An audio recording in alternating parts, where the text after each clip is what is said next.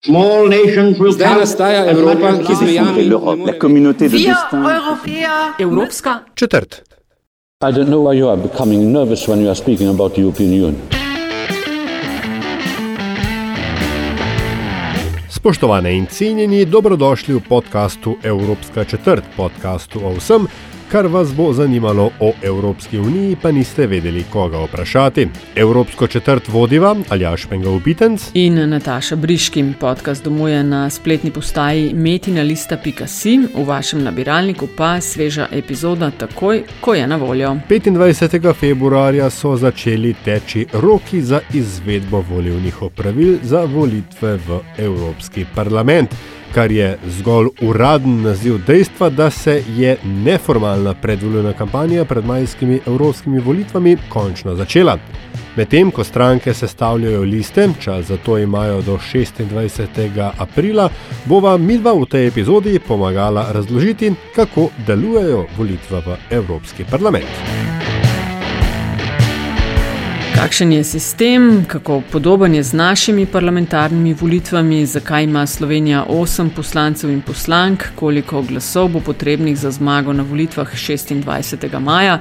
O vsem tem pa z dr. Juretom Požganom. Sem uh, asistent na kateri za mednarodne odnose in uh, raziskovalec na centru za mednarodne odnose, kjer se ukvarjam predvsem z proučevanjem globalne vloge uh, Evropske unije in uh, nekaterih uh, zunanjih politik EU. Volivni sistem je proporcionalen s preferenčnim glasovanjem.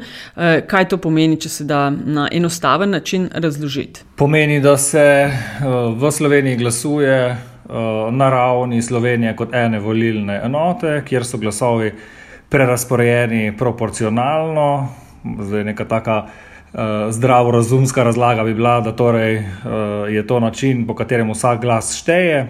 Zdaj, kaj konkretno pomeni proporcionalnost v Sloveniji? Če ima Slovenija kot volilna enota možnost, da izvoli osem poslancev, potem pomeni, da so izvoljeni poslanci iz tistih političnih strank, ki so na volitvah pridobili 12,5 odstotka glasov. To, da ima Slovenija osem poslancev, je arbitrarna odločitev na ravni Evropske unije ali po kakšnem sistemu smo jih dobili osem, da tako rečem.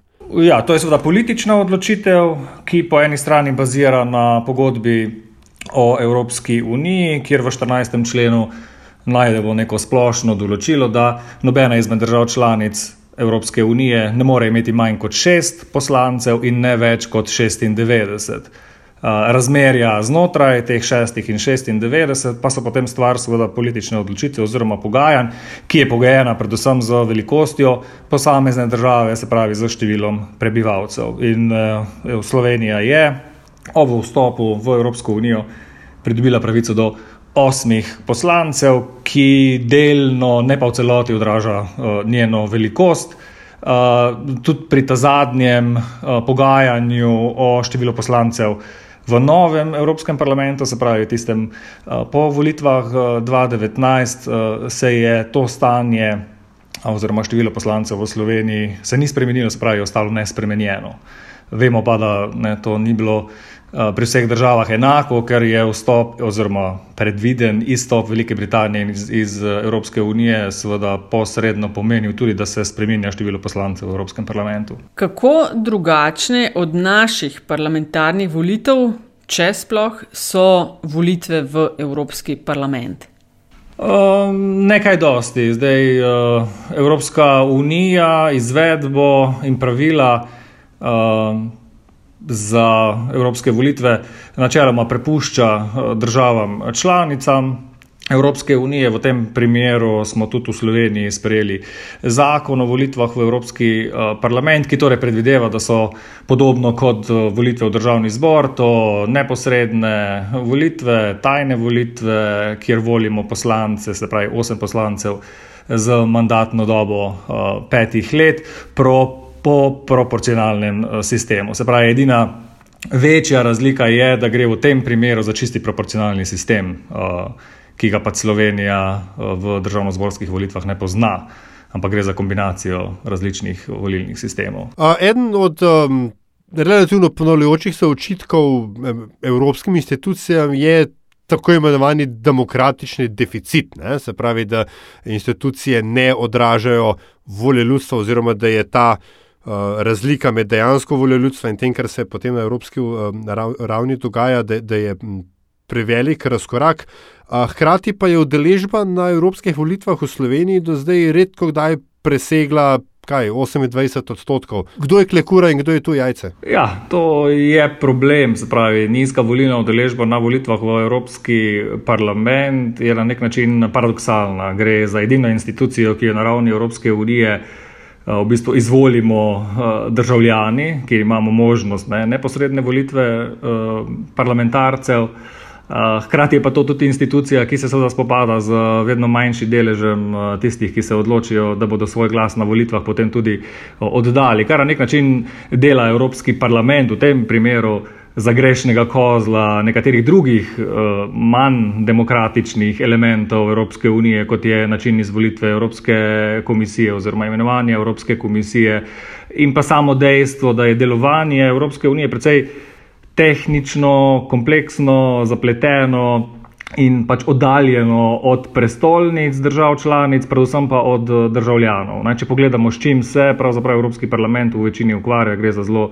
Uh, lahko rečemo, tehnični proces sprejemanja zakonodaje, ki vsaj nekega jasnega, neposrednega učinka na uh, delovanje državljanov na videzno nima, uh, se pa seveda dotika vseh stvari, ki jih na dnevni bazi v bistvu doživljamo, uporabljamo, kupujemo in tako naprej. Tako da, uh, pomembno pri evropskih volitvah je seveda povdariti to, da gre za možnost, uh, eno izmed redkih, ki jo imajo državljani Evropske unije, da vplivajo na to, kdo bo uh, zastopnik njihovih interesov pri uh, Evropskem parlamentu oziroma v okviru Evropske unije. In mislim, da se to premalo uh, poudarja, predvsem pa premalo uh, uporablja kot uh, povabilo uh, voljivcem. Prej ste že omenili, da ima Slovenija po politični odločitvi, ki je odrasla od velikosti same države in nekaterih drugih faktorjev, pravico do osmih poslancev oziroma poslank v Evropskem parlamentu. Zdaj, ko kar jaz razumem, je zaradi algoritma preračunavanja glasov stranka, ki kandidira svoje ljudi za Evropski parlament, eh, skoraj da more imeti osem poslancev, ker se s tem zviša prak možnosti, da njihovi ljudje, kdo od njih uh, pride na, v dejansko v parlament. Zakaj, če imajo enega močnega, ne dajo pač hmm. na listo enega? Ja, uh, vsaka stranka uh, ima na kandidatno listo pravico imenovati uh, osem članov, zaradi tega, ker ima Slovenija osem poslanskih sedežev v Evropskem uh, parlamentu. In to je tudi uh, razlog, zakaj morajo te kandidatne liste biti uh, izpolnjene. Hkrati pa mora biti uh, izpolnjen še drug kriterij, in to so spolne kvote, kjer nobeden izmed spolov ne sme biti zastopan v manj kot 40 odstotkih. Uh, zdaj, v primeru Slovenije, to seveda pomeni, da morajo biti moški in ženski kandidati približno izenačeni. Ne. Vendar je, ne glede na evropsko, kaj je evropski okus ne, teh volitev so, vsaj kar se Slovenije tiče, to v bistvu zelo notrne politične volitve. Stranke nastopajo večinoma z notrne političnimi temami, ljudje, ki jih uh, promovirajo oziroma ki kandidirajo, so pač notrne politično znani. Načeloma temu ni nujno tako. Uh, lahko bi tuji državljani z prebivališčem v Sloveniji kandidirali na slovenskih evropskih volitvah in tako dalje. Klej je, se mi zdi, da se mečkaj včasih zapiramo v preveč znane okove in da mogoče ne izkoriščamo vseh teh možnosti, ki jih uh, volitve v Evropski parlament ponujajo v smislu raziskovanja demokratičnega potencijala. Ja, nedvomno. Ne, tle je lahko rečemo neka značilnost uh, načina imenovanja kandidatnih oziroma sestavljanja kandidatnih list, uh, tudi sodelovanja. Lahko rečemo, ne, strank na volitvah v Evropski uh, parlament v Sloveniji pač takšna, da so te volitve zelo personalizirane, uh, hkrati pa zelo vezane na lokalne volitve. Vidimo, da ponavadi na evropskih volitvah pravzaprav prevladujejo stranke, ki prevladujejo tudi na lokalnih volitvah, z redkimi izjemami, tam, kjer pač izjeme nastopijo in na zadnjih volitvah je bila ena izmed teh izjem seveda lista dr. Igorja Šolteza, ker je šlo za izrazito personalizirano listo ne, z nosilcem te liste Igorjem Šoltezem kot glavnim kandidatom, je potem, kateremu je potem tudi uspel preboj v Evropski parlament. Načeloma imajo možnost biti voljen in pa voliti na evropskih volitvah, seveda tako državljani Republike Slovenije, kot vsi, ki imajo stalno prebivališče prijavljeno v, v Sloveniji. Se pa ta potencial potencial, seveda ne izkorišča, zdaj razlogov za to je več. Nekateri izmed njimi so tudi izrazito družbeni, zapravi Slovenija še vedno velja za relativno zaprto družbo, ne, kjer uh, je mogoče vsaj za enkrat še ne predstavljivo, da bi interes slovenskih uh, državljanov v Evropskem parlamentu zastopal nekdo, ki ni državljan Republike Slovenije. Je pa v teoriji to seveda mogoče in v nekaterih drugih državah že tudi praksa. No, in seveda pod, pod pripomba, ne, hkrati pa lahko Slovenci, ki živijo ali pa živijo živimo v tujini, uh, glasujejo bodi si v, uh, po pošti v Sloveniji. Ali pa pač v državi, kjer imajo prebivališče. Tako, ja. Se pravi, uh, volitve v Evropski parlament potekajo na temelju rezidenčnega uh, statusa. Zdaj, tisti, ki se kratkotrajno ali pa začasno nahajajo v tujini in so slovenski državljani, uh, bodo najverjetneje volili eh, doma ali preko pošte uh, ali pa pač na, na, v občinah oziroma v državah, kjer so pač prijavljeni. Tako da glede tega Eh, nekih večjih omejitev, eh, seveda ni. Eh, ideja ali pa nek dolgoročni plan, ki ga je Evropski parlament seveda tudi že skušal nasloviti, oziroma države članice žal niso podprle tega predloga, je bila je bil oblikovanje nekih transnacionalnih uh, list, ne, ki pa vidimo, da še vsaj zaenkrat uh, niso izvedljive, ker so države članice temu izrazito uh, nasprotovali. Se pravi, ideja transnacionalnih list je bila, da se seveda volitve v Evropski parlament ne bi odvijale po teh nacionalnih uh, omejitvah, uh, pač pa da bi se na ravni Evropske unije dala možnost oblikovanja določenih kandidatnih list, ne, katerih, na katerih bi bili predstavniki vseh držav članic, ne, ne samo omejeno po posamezni državi članici. Tako da tle vidimo, da je možnosti za napredek še kar precej, ampak tako kot zaenkrat pravila za volitve v Evropski parlament veljevajo, ne se še vedno voli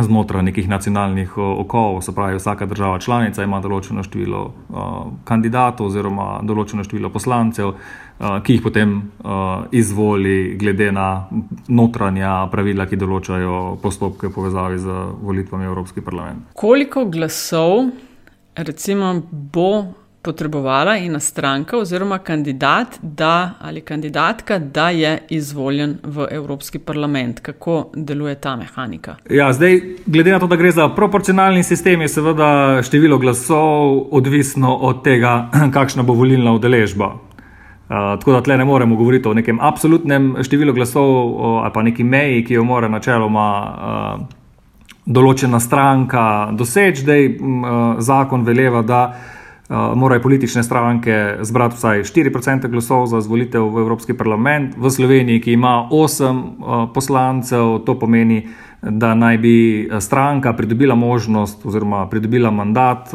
ko osvoji vsaj 12,5 odstotka vseh glasov. Pomembno pri tem je, da volitve niso zgolj eh, proporcionalne, ampak da se znotraj tega omogoča glasovanje tudi s preferenčnim eh, glasom, eh, ki potem ne še nadalje določa, da se preferenčni glas, ki ga lahko vsak volivec nameni kandidatu, za katerega misli, da je za njega najbolj ustrezen, da se ti glasovi štejejo zgolj takrat, kadar. Eh, presežejo določen količnik, ta količnik se pa izračuna glede na absolutno število glasov, ki ga je stranka pridobila, in potem se to število glasov uh, deli z uh, dvakratnikom števila poslancev, ki je pač v primeru Slovenije 16. In vekolikor uh, je nek kandidat na listi ene izmed političnih strank takšen, ki je s preferenčnimi glasovi izbral več, kot je izračun tega količnika, uh, je potem uh, lahko uh, izvoljen. Ne. V primeru, ko tega ne uh, doseže, uh, se potem ti glasovi, ki so bili dani nekemu kandidatu s preferenčnimi glasovi, ne, ni pa bilo dovolj, da bi dobil neposreden mandat, dodelijo listi in se potem glede na. Zaporedje uh, kandidatov na listi, uh, seveda ti glasovi presporedijo tistemu, ki je najvišje na listi. Se pravi, ni pa nujno, ko greš na volišče, da poleg stranke tudi oddaš preferenčni glas. Če oddaš stranki, gre potem pač po tistem vrstnem redu. Ne? Tako. Uh, glas lahko oddajamo stranki, se pravi politični stranki. Uh, posebnost volitev v Evropski parlament je, da je posamezna uh, stranka opredeljena tako glede na njeno nacionalno ime, kot na to, kateri skupini uh, evropskih političnih strank pravzaprav pripada.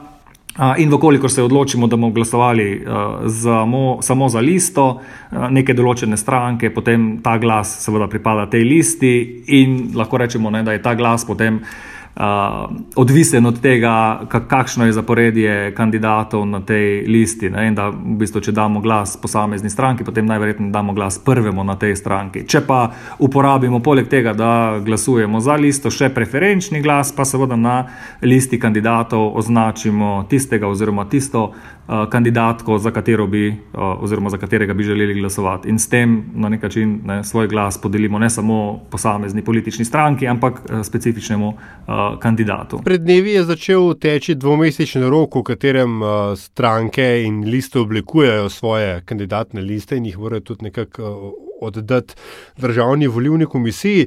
Uh, o tem, da je v Sloveniji to predvsem nacionalna zgodba, smo že, smo že nekaj rekli, pa vendarle se na evropski ravni oblikujejo neke transnacionalne uh, pobude, recimo DM25, Janisa Varovakisa, uh, Volt, uh, ki ga poganjajo predvsem zahodnoevropski mladi, uh, ki je, je po nekih uh, podatkih sto bolj množičen od uh, DM-a.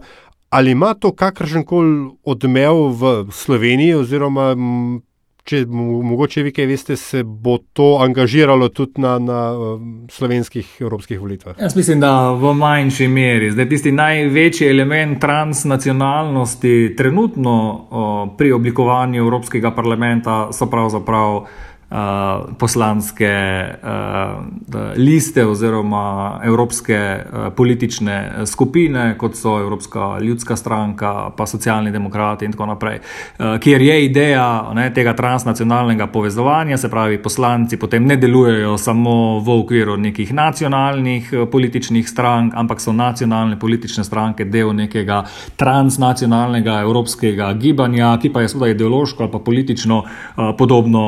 Podobno podobno usmerjen. Tako da jaz mislim, da se uh, vsaj v Sloveniji ne, ta nek trend uh, ne bo kaj dosti poznal uh, ali pa vplival na samo uh, odločitev uh, državljanov, za koga naj pravzaprav glasujejo. Ne.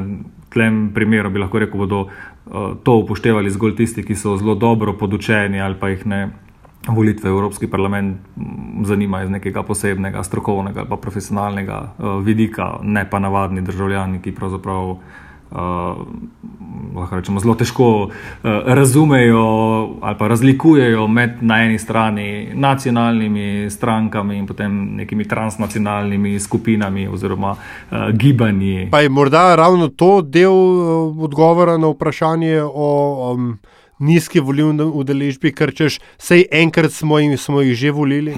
Ja, čeprav je Evropska unija ne, zdaj s to nizko volilno udeležbo se ne spopala samo Slovenija, to je nekako trend bolj ali manj v vseh uh, državah, odvisno od tega tudi, ne, kako države pristopajo k.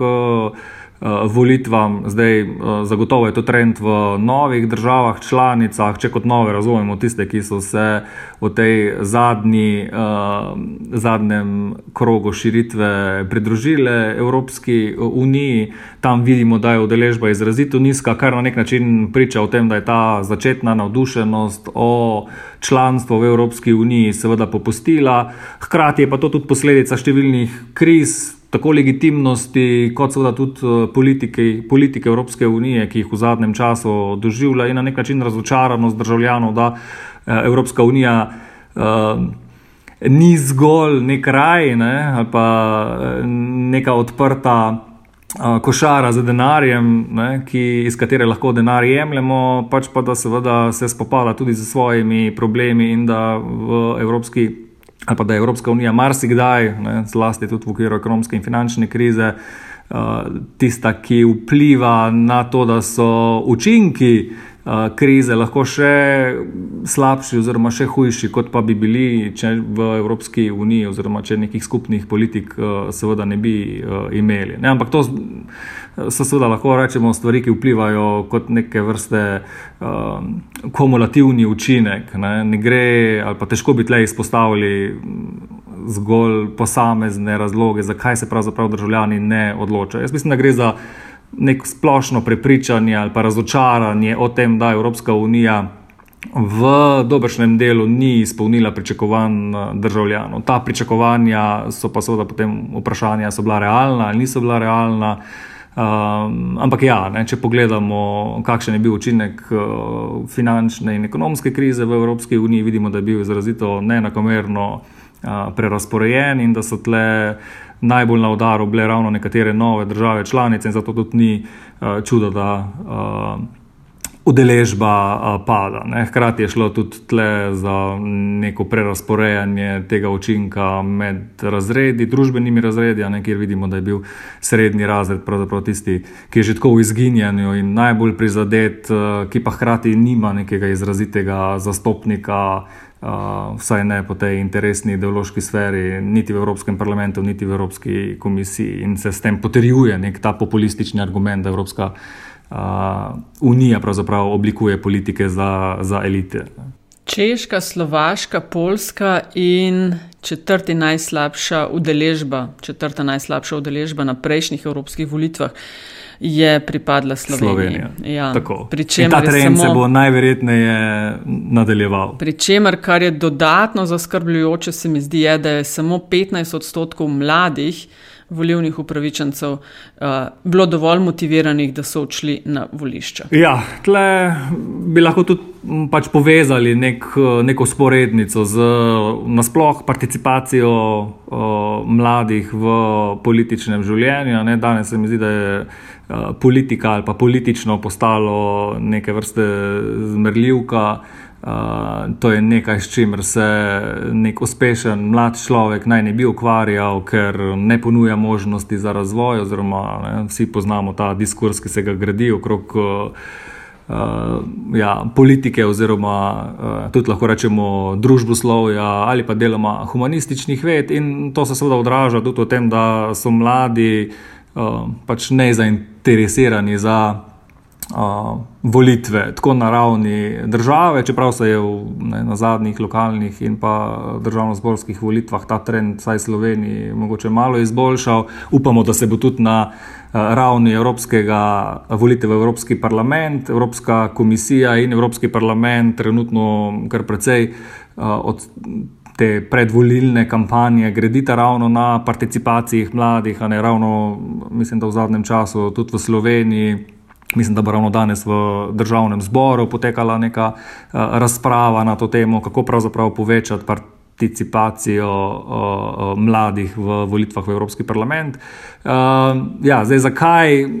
Podobni so razlogi kot za uh, tisti za splošno. Uh, udeležbo, se pravi, mladi Evropske unije, pa delovanje Evropske unije, njenih institucij ne razumejo najbolje, ne vidijo tudi neposrednih koristi, ki jih Evropska uh, unija uh, prinaša, in tako naprej. Se pravi, tle uh, bi seveda veljalo razmisliti uh, ne samo vsakih pet let, ko potekajo evropske, uh, evropske, evropske volitve, ampak uh, tudi med tem obdobjem, ne, kako zagotoviti čim večjo udeležbo mladih, ker so ne na zadnje mladi ostali tisti, ki bodo še naj, najdlje oziroma veliko časa volili in tudi ne, upozarjati mlade, da so pravzaprav nekateri učinki, ki jih članstvo, pozitivni učinki, ki jih članstvo Evropske v Evropski uniji prinaša, najbolj vidni ravno pri njih. In tle govorim predvsem o študentski populaciji, sam naprimer prihajam iz fakultete za družbene vede, kjer ne samo, da se o Evropski uniji učimo, ne, ampak bi na nek način pričakovali, da se vsak od njih zaveda, uh, zakaj je pomembno iti na volitve. Pa tudi tu opažamo, ne, da so uh, v bistvu študenti zelo uh, malo in, zainteresirani za zadeve povezane z Evropsko unijo in tudi participacija, lahko rečemo. Eh, študentov, družboslovja, pa humanistike ni pri tem nič večja na volitvah, kot pa pri nekaterih drugih mladih. Dela je še cel kup. Ne? Ja, če je eden izmed ciljev povečati participacijo, potem ne, je tle v bistvu odgovornost. Uh, ne samo na ravni Evropske unije, je odgovornost tudi seveda slovenske politike, pa tudi slovenske družbe v širšem pomenu besede, civilno-družbenih gibanj, medijev.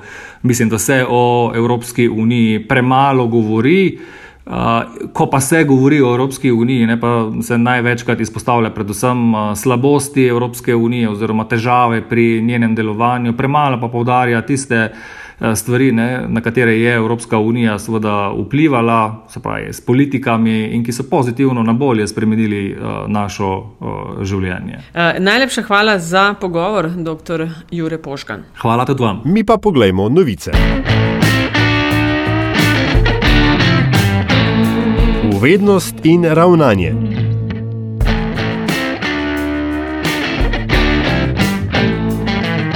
Spet deliva novico o razpisu, ki vas utegne zanimati. Ta je za pravnike lingviste.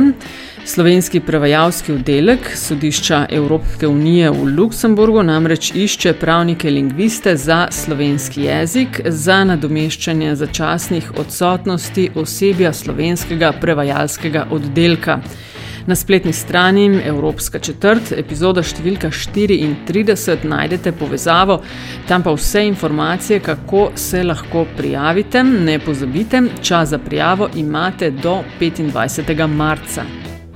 Evropska komisija pa je razpisala novinarsko nagrado Lorenza Natalija za leto 2019 za izjemno poročanje o razvojnih temah, kot so izkoreninjenje revščine ter gospodarski, družbeni in okoljski vidiki trajnostnega razvoja. Svoje spletne tiskane ali audiovizualne izdelke lahko prijavite do 14. aprila letos. Komisija bo podelila tri nagrade v višini 10 tisoč evrov, nagrajence pa bo razglasila junija letos na Evropskih razvojnih dnevih v Bruslju. Več informacij seveda najdete na povezavi, ki sva jo priložila. In ker so danes takšni časi, še tretja novica v tokratnem naboru. Zadnjega februarja se je Evropska komisija odzvala na kampanjo mađarske vlade, ki na panojih, časopisnih oglasih in v pismo predsednika vlade mađarskim državljanom pravi: Tudi vi imate pravico vedeti, kaj Bruselj načrtuje. Evropska komisija se strinja, da državljani zaslužijo vedeti resnico o tem, kaj počne EU, to da izvedeti morajo dejstva, ne pa izmišljotine. Kampanja mađarske vlade izkrivlja resnico in si prizadeva slikati skrivno zaroto, s katero bi v Evropo pritegnili več migracij. Komisija zato natančno pojasnjuje vsa dejstva, povezavo na celoten odziv komisije pa prilagava na spletu. To je bila Evropska četrt. Hvala za pozornost. Predlogi, mnenja, pohvale in kritike dobrodošle na infoafna.metinalista.sin na družbenih omrežjih pa je najn uraden ključnik Evropska četrt. Avtor glasbene podlage je peli iz Afna Hishen Band. Če vam je vsebina všeč, bo pomagalo, da nas najde še kdo. Če naj jo ocenite pri vašem izbranem podcast ponudniku, hvala vnaprej tudi za vašo družbo, slišimo pa se spet k malu.